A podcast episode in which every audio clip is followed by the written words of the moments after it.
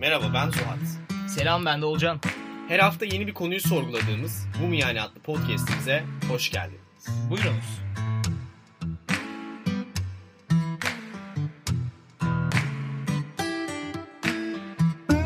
Selam millet.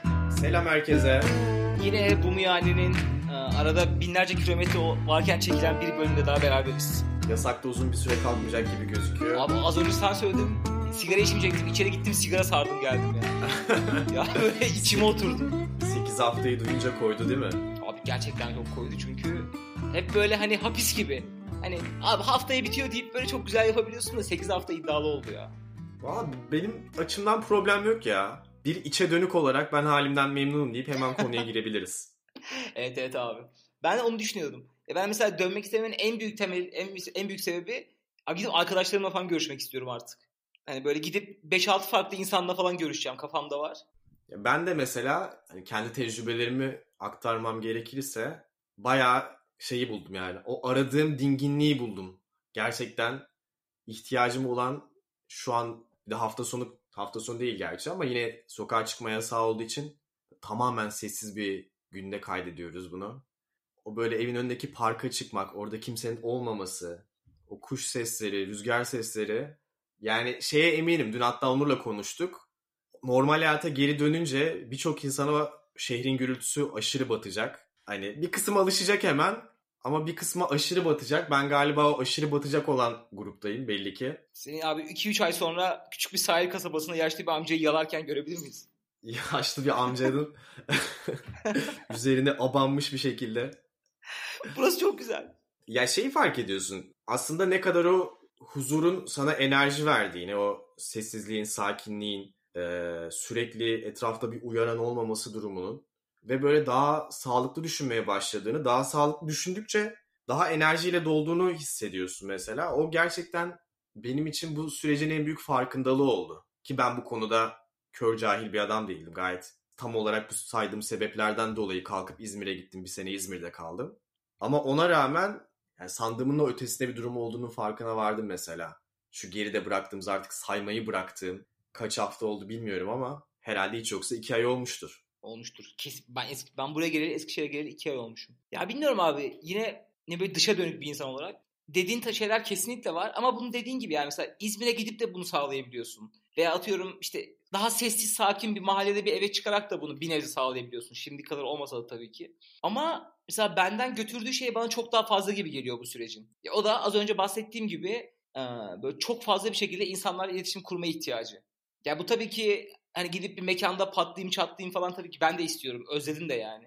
O tarz eğlenceleri de festivalleri falan tabii ki çok özledim. Ama onu da geçtim. Böyle gidip yine böyle toplu yerlerde böyle muhabbetler etmek, çok fazla insanla bir arada olmak, e, sosyal mesafeni korusam bile yine bir arada olabilmek. Yani bunu yerine hiçbir şey koyamıyorum mesela aklımda. Mesela dönme şeyin refleksin de hani ne hayatlarımız normale dönsün ne bir, bir şey değil. İlk refleksim abi gidip tekrar insanlarla gerçek anlamda sosyalleşmeyi sağlayabilmek.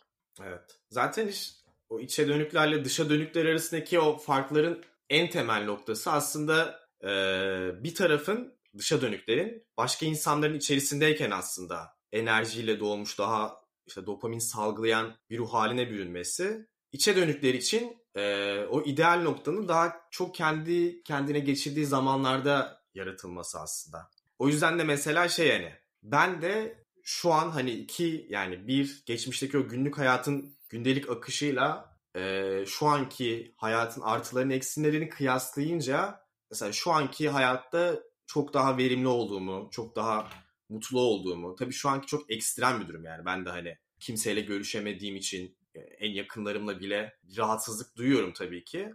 Ama yani bu kısıtlı sürede onun farkına varıyorsun aslında. Evet, evet abi sen iyi bir örneksin içe dönük için. Yani çünkü dediğin gibi İstanbul'dan bir anda basıp İzmir'e gidip kaç ay orada kalabildim mesela. Ya mesela benim hayatta yapamayacağım bir şey. Ya aslında bizim mesela hatta önce şeyi söylemek lazım. Bu böyle akla kara gibi bir şey değil ya. Hı hı. Yani bunu bir skala gibi düşün. Herkes skalanın farklı taraflarına düşüyor. Ve böyle çok uç örnekleri de var tabii ki. Ama biz biraz daha iki tarafın e, skalanın merkezine yakın noktalarındayız. Yani sen de çok e, full dışa dönük bir insan değilsin. Kendi kendine vakit geçiren, Hı-hı. kitap okuyan bir adamsın.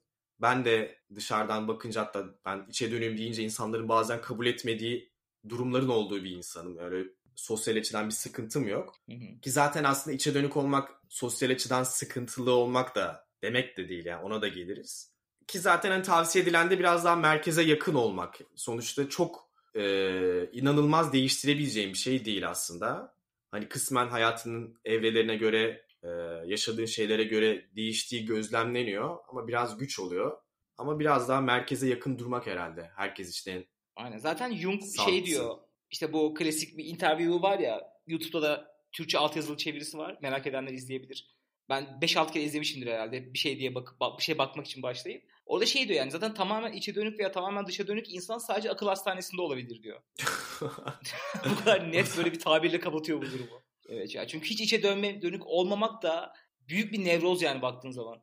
Ama mesela buna çok yakın örnekler var. Şimdi isim verip rencide etmek istemiyorum. Günü iki tane taklayla geçirenler var ama ne ya dışa dönük tarafta mı? Evet, İçe çok dönük dışa mı? dönük dışa dönüğün çok uç tarafında olan arkadaşlarım var. Hı hı. Ya onların mesela zararlarını, zararları derken şu kişisel gelişim dediği hep bahsediyoruz ya. Kişisel gelişim dediği şey genelde yalnız kalmayla ilgili bir şey ya. Bir alanda uzmanlaşmak, işte kafa yormak, yaratıcı olmak gibi şeyler. Evet. Bu dediğim gibi dışa dönüklüğün böyle benden de daha ileriki uca yakın taraftaki insanlarda o kişisel gelişimin hiç gelişmediğini, hiçbir konuda uzmanlaşma diye bir şey olmadığını, ee, ama eksik kaldığını özellikle yaşın 30'a yaklaştıkça dışa dönüklükten orta tarafa doğru koşman gerektiğini hissediyorsun. Ben çok rahat hissediyorum. Özellikle bu karantina sürecinde çok iyi hissettim yani. Ya mesela şey de hani e, hayatın hangi evresinde olduğuna göre de değişken bir şey dedim ya aslında biraz onu kastetmiştim. Biraz her insan ister istemez daha içe dönük tarafını keşfetmeye başlıyor belli bir yaşın ardından. Yani klasik çalışmalar vardır ya işte bir insanın 20 yaşında ortalama bilmem kaç tane arkadaşı varken işte bu rakam 30 yaşına geldiğinde şuna düşer diye. Senin anlattığın o insanların yapamadığı şeyden kaynaklı olarak gelişen bir şey. Yani daha kendine vakit ayırmaya, kendine ilişkini geliştirmeye e, zaman ve efor harcamaya başladıkça o bazı dışarıdaki arkadaşlık ilişkilerinin e, önüne geçmeye başlıyor. Daha az insanla arkadaş kalabiliyorsun kendine artık vakit ayırdığın için. Ya da hani bir takım arkadaşlıklarını bitirmen gerekiyor. Yani en azından benim tecrübemde biraz böyle oldu. Ben de eskiden çok içe dönük e, olduğumu kabul etmeden ne kadar arkadaşım varsa o kadar iyisin. Ne kadar e, Facebook'ta, Instagram'da takipçin varsa o kadar popülersin, o kadar iyisin gibi e, böyle toplumun baskısıyla gelen fikirlere de biraz boyun eğmişliğimden diye bir öz eleştiri yapayım. Ben de çok ona inanıyordum ama daha sonra içe dönük olduğumu anladıkça, daha kendi başıma geçirdiğim vaktin kıymetini fark ettikçe yavaş yavaş o arkadaşlıklardan bazılarını elemem gerektiğini fark ettim. Çünkü hani bir kısıtlı zamanım var yani kısıtlı enerjim var. Ee, ki zaten içe dönük bir insan... Bir fırsat maliyeti var her zaman. Tabii zaten içe dönük bir insansan e, belli ilişkileri belli bir seviyede tutmak da ekstra efor isteyen bir şey bir dışa dönüğe göre. Ve yavaş yavaş ondan feragat ediyorsun. Biraz daha e, yalnızlaştığın anlar da oluyor ama günün sonunda daha az sayıda daha derin ilişkilerle hayatına devam ediyorsun. Aynen. Ya arkadaşlık dediğin şey aslında yani genel olarak böyle bir kitle olarak söylüyorum. Arkadaşlık dediğin şey birazdan network'e doğru kaymaya başlıyor. Yani böyle sürekli bir ilişki yürütmek gibi değil de hani aradığın zaman açar. O aradığın zaman sen açarsın. Bir şey danışırsın, bir şey istersin. Mantıklı ya şey yaptım. Dinlerken mantıklı geldi bana yani. Yavaş yavaş o insanlar senin network'ün olarak kalıyor. Sen de o insanların network olarak kalıyorsun. Ki bu bence tam durulması gereken nokta benim için en azından. O network'ü sağlayacak noktada durmak. Ondan aşağısı yine benim bakış açıma ters düşüyor. İçe dönük ve dışa dönükler aslında belki diğer bölümlerde de konuşacağız. O Big Five dediğimiz 5 temel e, kişilik özelliğinin en başındakilerde, en başındaki diyebiliriz hatta. En temel ayrım aslında. Yani neredeyse iki ayrı canlı türü gibi e, bu insanlar. Özellikle skalanın farklı uçlarındaysa. Ve bu günün sonunda farklılık tamamen yani bu işin doğrusu ya da yanlışı kesinlikle yok. E, iki tarafta olmanın içinde bulunduğun duruma göre avantajları da var, dezavantajları da var. Ama hani biraz şeyden bahsedeceğim zaten. Yani toplumun e, farklı sebeplerden dolayı, farklı kültürel nedenlerden dolayı niye içe dönükleri içine kapanık, antisosyal olarak yaftalayıp kendilerini kötü hissettirdiklerinden biraz dem vurup ondan sonra bu kardeşlerimizi birazcık kendileriyle ilgili iyi hissetmelerine yardımcı olacağım bu bölümde. İçe dönük kardeşlerimiz. Ya ben olmayacağım. ben olmayacağım. Ben her zaman Zuhat'ın yaptığı iyileştirmeyi hayır abi siz eziksiniz. Zaten sizden bir bok olmaz diye getireceğim. Kusura bakmayın. yok yok tabii ki öyle bir şey getirmeyeceğim de. ona girmeden abi o zaman şeyi söyleyeyim mesela ben bunu bilmiyordum. Eminim çoğu insan da bilmiyordur. Bunu Jung da söylüyor sonra bunu araştırma da yapmışlar. İçe dönüklük ve dışa dönüklük de abi yine beynin dopamin seviyesi ve beynin bir yükseklik frekans uyarılma seviyesinin durmasıyla alakalıymış. İki tane araştırma yapmışlar bu konuda. İşte Jeremy Kagan Kaan'dır lan kesin bu. Bu adam Türk çıkacak gör bak. Jeremy Kaan diyorum Yaz abi. kenara. Yaz kenara bu adam Türk çıkacak bak gör. Jeremy Kaan yapmış bir de bir işte Jung bahsetmiş zaten. Ee, içe dönük insanların beyinleri e, genelde hep bir uyarılma seviyesinde kalıyorlarmış yani. Bu da onların o dingin sakin kalmalarını sağlıyor. Ama mesela benim gibi dışa dönük insanlar e, o beyinleri normal bir değerin daha az uyarılma seviyesinde kaldığı için hep bir uyarıcı faktöre ihtiyaç duyuyorlar. İşte bu da e, işte sosyalleşmek oluyor. İşte yeni insan iletişim kurmak, dopamin sağlamak, bilgi almak, bilgi vermek olabiliyor. Mesela bunun işte en büyük şeyi olarak mesela bunu Jung söylüyordu galiba veya Kaan söylüyordu. Bu çok mesela Jung- Jung'un konusu gibi kumar- değil ama ya. Daha sonradan ortaya çıkan şeyler. Yok Jung birazdan diyeceğim şeyden bahsedecek ama bu şey. Ya, Jung'dan referans alıp beyin frekanslarını işte ölçümlemişler. Sıcaklıklarını o şeylerini. Hı hı. Kırmızı yeşil muhabbetlerini. Mesela abi o frekansı sen kendin sağlayamadığın için beyninde ha tamam okey ben hemen dönüyorum. Jung da abi şundan şöyle bahsediyor. Hatta Freud'a sallayıp şöyle bahsediyor. İşte insan doğduğu zaman beyaz bir kağıt değildir diyor Jung da. Hep Freud'a karşı çıktığı şey bu ya zaten. Tabii burada kavga İnsan doğduğu zaman zaten. beyaz bir kağıt değildir. Onun bir ruhu vardır diyor. E, Ruh dediği şey de aslında senin kalıtımsı olarak senin annenden babandan aldığın şeylerden bahsediyor. Hı hı. Ondan sonra bunu araştırmayla da işte şöyle kanıtlıyorlar. Dışa dönük insanların frekansları daha az olduğu için uyarıcı etkenlere daha muhtaçlar. Ve o yüzden de tabii ki bu telafi edilebilir, öğretilebilir bir şey ama senin beyninde hep bir uyarılma ihtiyacı oluyor. Bunu kafeinle, sosyalleşmeyle, bunun en uç noktası kumar bağımlılığı gibi birçok şeyle sağlayabiliyorsun. İşte ben bunu bilmiyordum yani. Dışa dönük içe dönüklüğünde beyninin ya annenden babandan alabildiğim bir şey olduğunu bugün öğrendim. Belli bir ölçüye kadar. Yüzde yüz değil tabii ki. Benim de tam yeni öğrendiğim şeylerden bahsettin. Ben de böyle üzerinden kendi bildiklerimi ekleyerek geleyim. Dediğin gibi abi bu işte e, içe dönük dışa dönük ayrımını ilk yapan değil ama popüler popülerleştiren insan Jung zaten ve e, Freud'la kavga ettikleri nokta da aslında burada oluyor. Çünkü Freud e, libidoyu cinsel itki yani sex drive diyor. Senin aslında yaşam enerjin e, hep bir şeylere duyduğun cinsel enerjinin işte bastırılması ya da işte başka şeye yönlendirilmesi gibi işte diyor. En basitinden ödipal kompleksi annene cinsel ilgi duyarsın ama toplum bunu bastırdığı için o babana karşı bir öfkeye şiddete dönüşür gibi. Ee, Jung da buna cevap olarak şey diyor. Ya diyor yeter diyor senin diyor her şeyi sekse diyor anneye bağladığın. Sapık adam diyor. Yaşından başından utan diyor. Ayrıldığı noktada şu libido cinsellikle alakalı değil diyor. Ee, çünkü libido yani libidinal enerji insanın iç dünyasına dön- dönük olabilir diyor. Yani Freud şey diyordu eğer içe dönükse o bastırılmışlıktır aslında. Çünkü sağlıklı olanı dışa dönük olmasıdır. Çünkü cinsel enerji hep dışa dışarıda bir şeye dönüktür. Jung aslında burada karşı çıkarak o içe dönük dışa dönük ayrımını getirdi. Onun dediği de aslında şuydu. Yani bu içe dönük insanlar için kendi iç dünyalarını keşfetmek, dışa dönük bir insan için dış dünyayı keşfetmek neyse oydu. Aynı değere sahipti. Ve aslında daha sonradan bu tanımın geliştirilmiş versiyonu da şu oldu. Yani dışa dönük insanlar dışarıdaki dünyadaki aktivitelerden yani o senin dediğin dopamin mevzusuna geliyor. Uyarılır ve enerji bulur.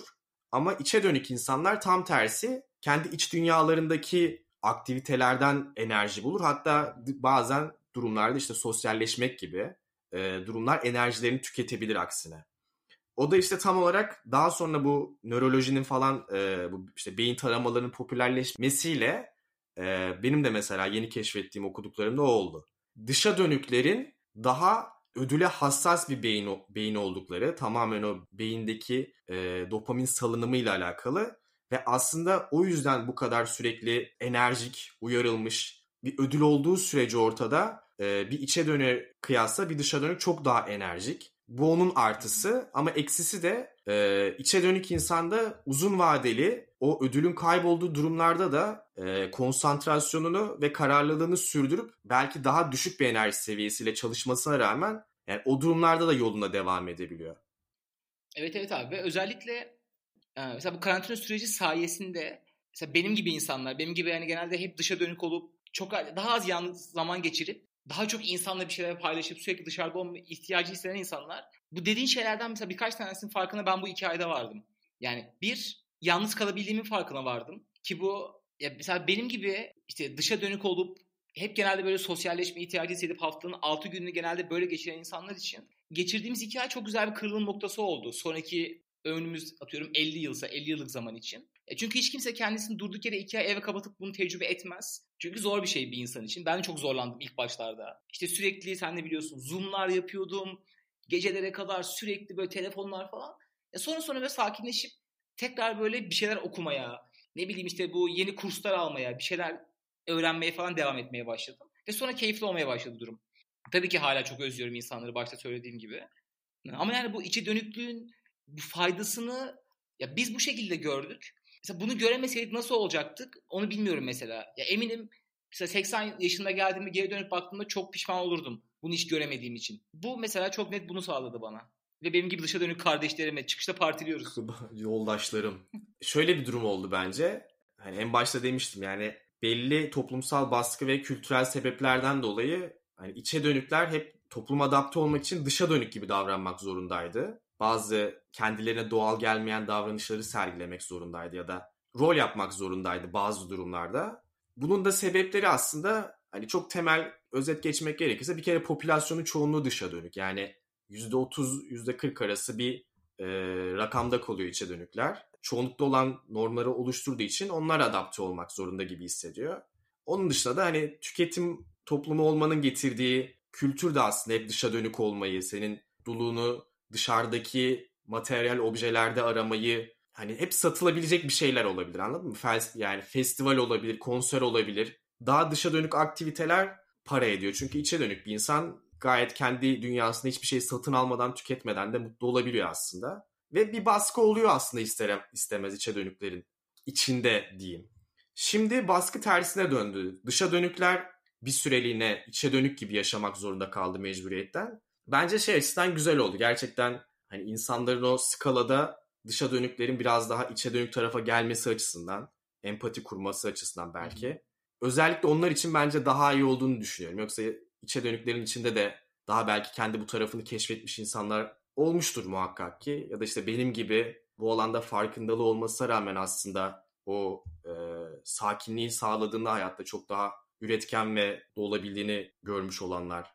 Yani ilginç bir şey oldu gerçekten. Normalde yaşanmayacak bir olay sayesinde bu konu bence herkesin gündemine bir şekilde girdi ister istemez. Evet evet. Bir daha senin az önce dediğine ek olarak bu içe dönüklerin bu dış dünyadaki o zorlanmaları ile ilgili ya sonuçta içe dönük bir insanı sen alıp dış dünyaya attığın zaman işte iş hayatı gibi hani sonuçta bir insanın onaylanma ihtiyacı içe dönüklükle ilgili bir şey değil ya bu içsel bir içgüdü. Ve sen bu bu kadar dışa dönük insanların sesinin daha fazla çıktığı, daha çok insana etki altına alabildiği yerlere attığın zaman işte bu sefer o kendi iç çatışması başlıyor. Yani hem dışarıda kim müdürün veya böyle insanların takip ettiği insanlar %90 büyük ihtimalle dışa dönük insanlardır.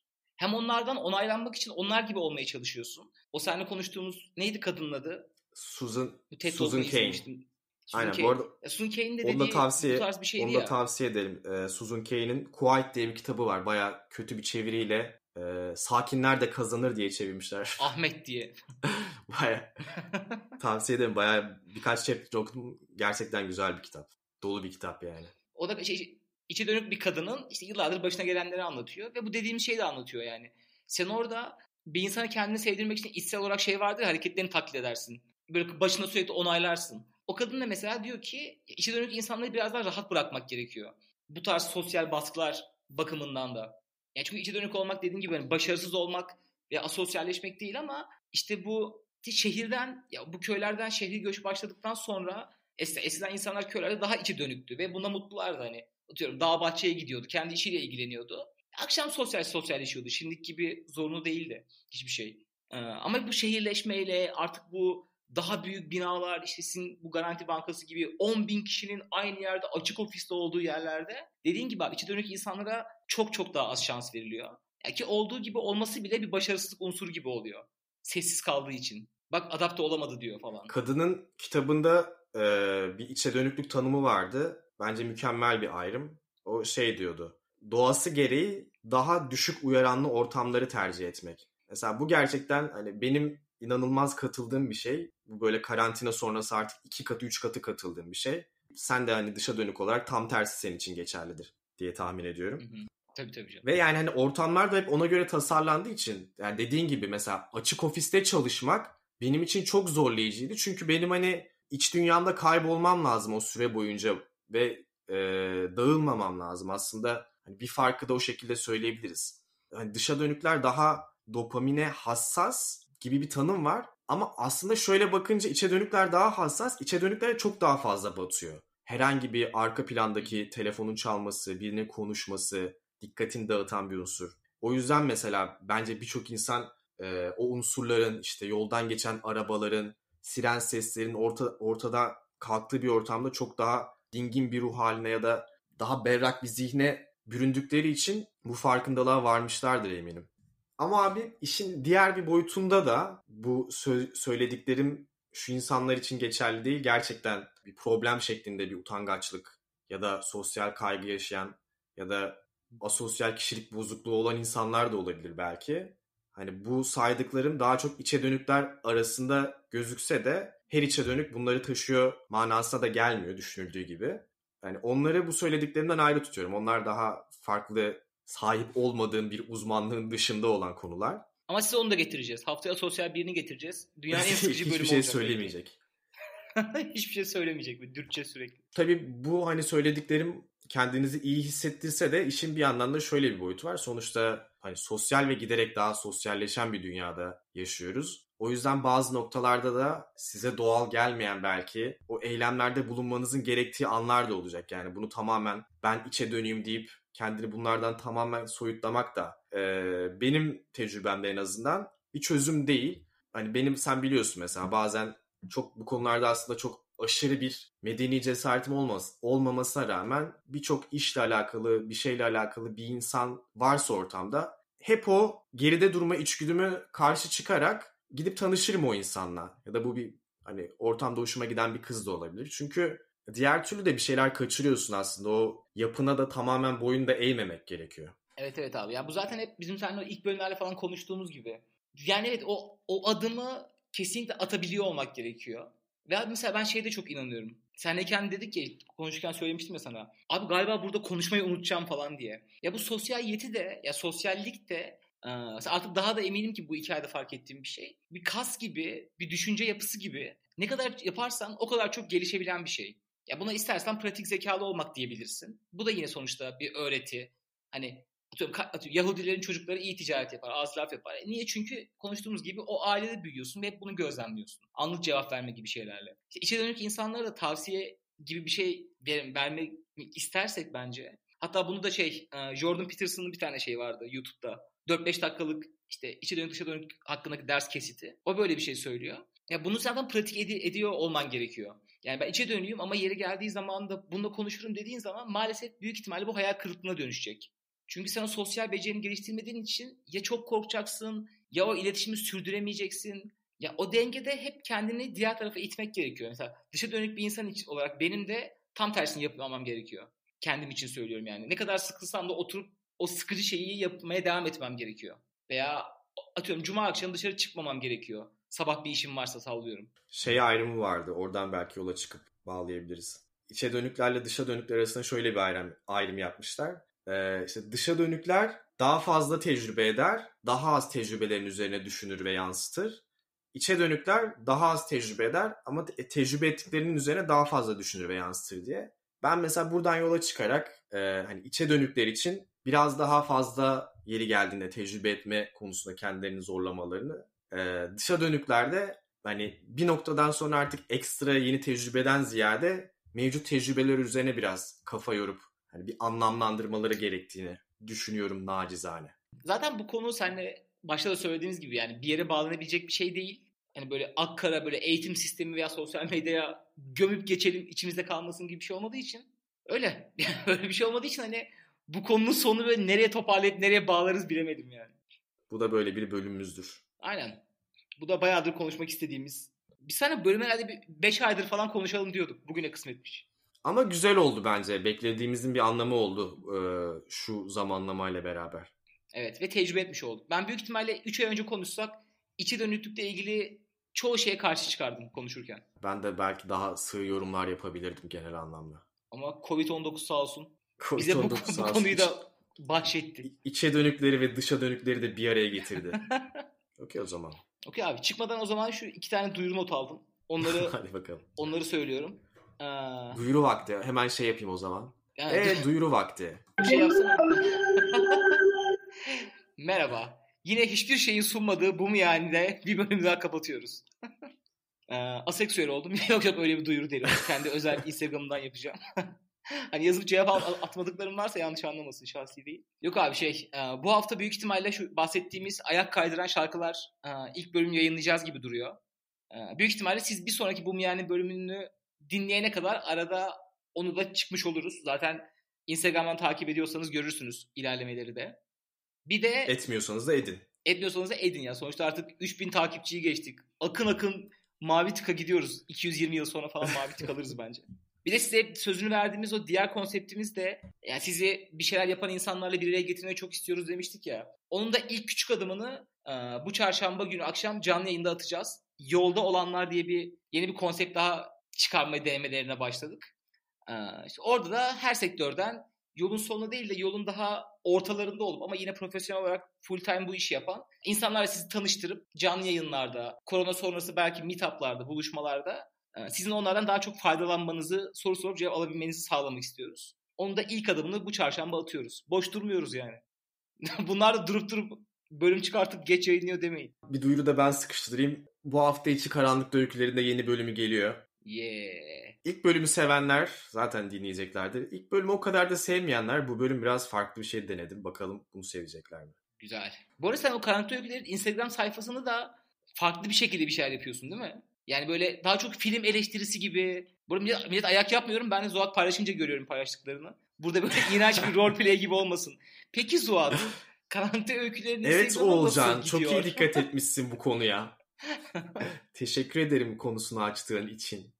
Evet orayı biraz daha şey gibi kullanmak istedim. Ee, yani sadece takip edenler Karanlık Öyküler'in yeni bölümünün çıkıp çıkmadığını görmesin. Aynı zamanda onu dinleyip sevecek insanların seveceği başka alanlarda edebiyat, sinema ve psikoloji diye üç ana başlık belirledim. Hatta podcast, e, farklı podcast e, tavsiyeleri de veriyorum içinde. Biraz öyle bir şey, biraz kişisel bir blog evirdim. Şekilleniyor şu anda. Bence güzel bir şey oldu. Evet evet bence de enteresan. Daha zor ama güzel. İyi gidiyor gördüm. Evet evet sosyal medyayı sevmeyen biri olarak Abi zorluyorum nasıl kendimi düştük içine ya? paylaşmaya. Nasıl düştük içine? Olmuyor işte. Bu bölüm burada biter.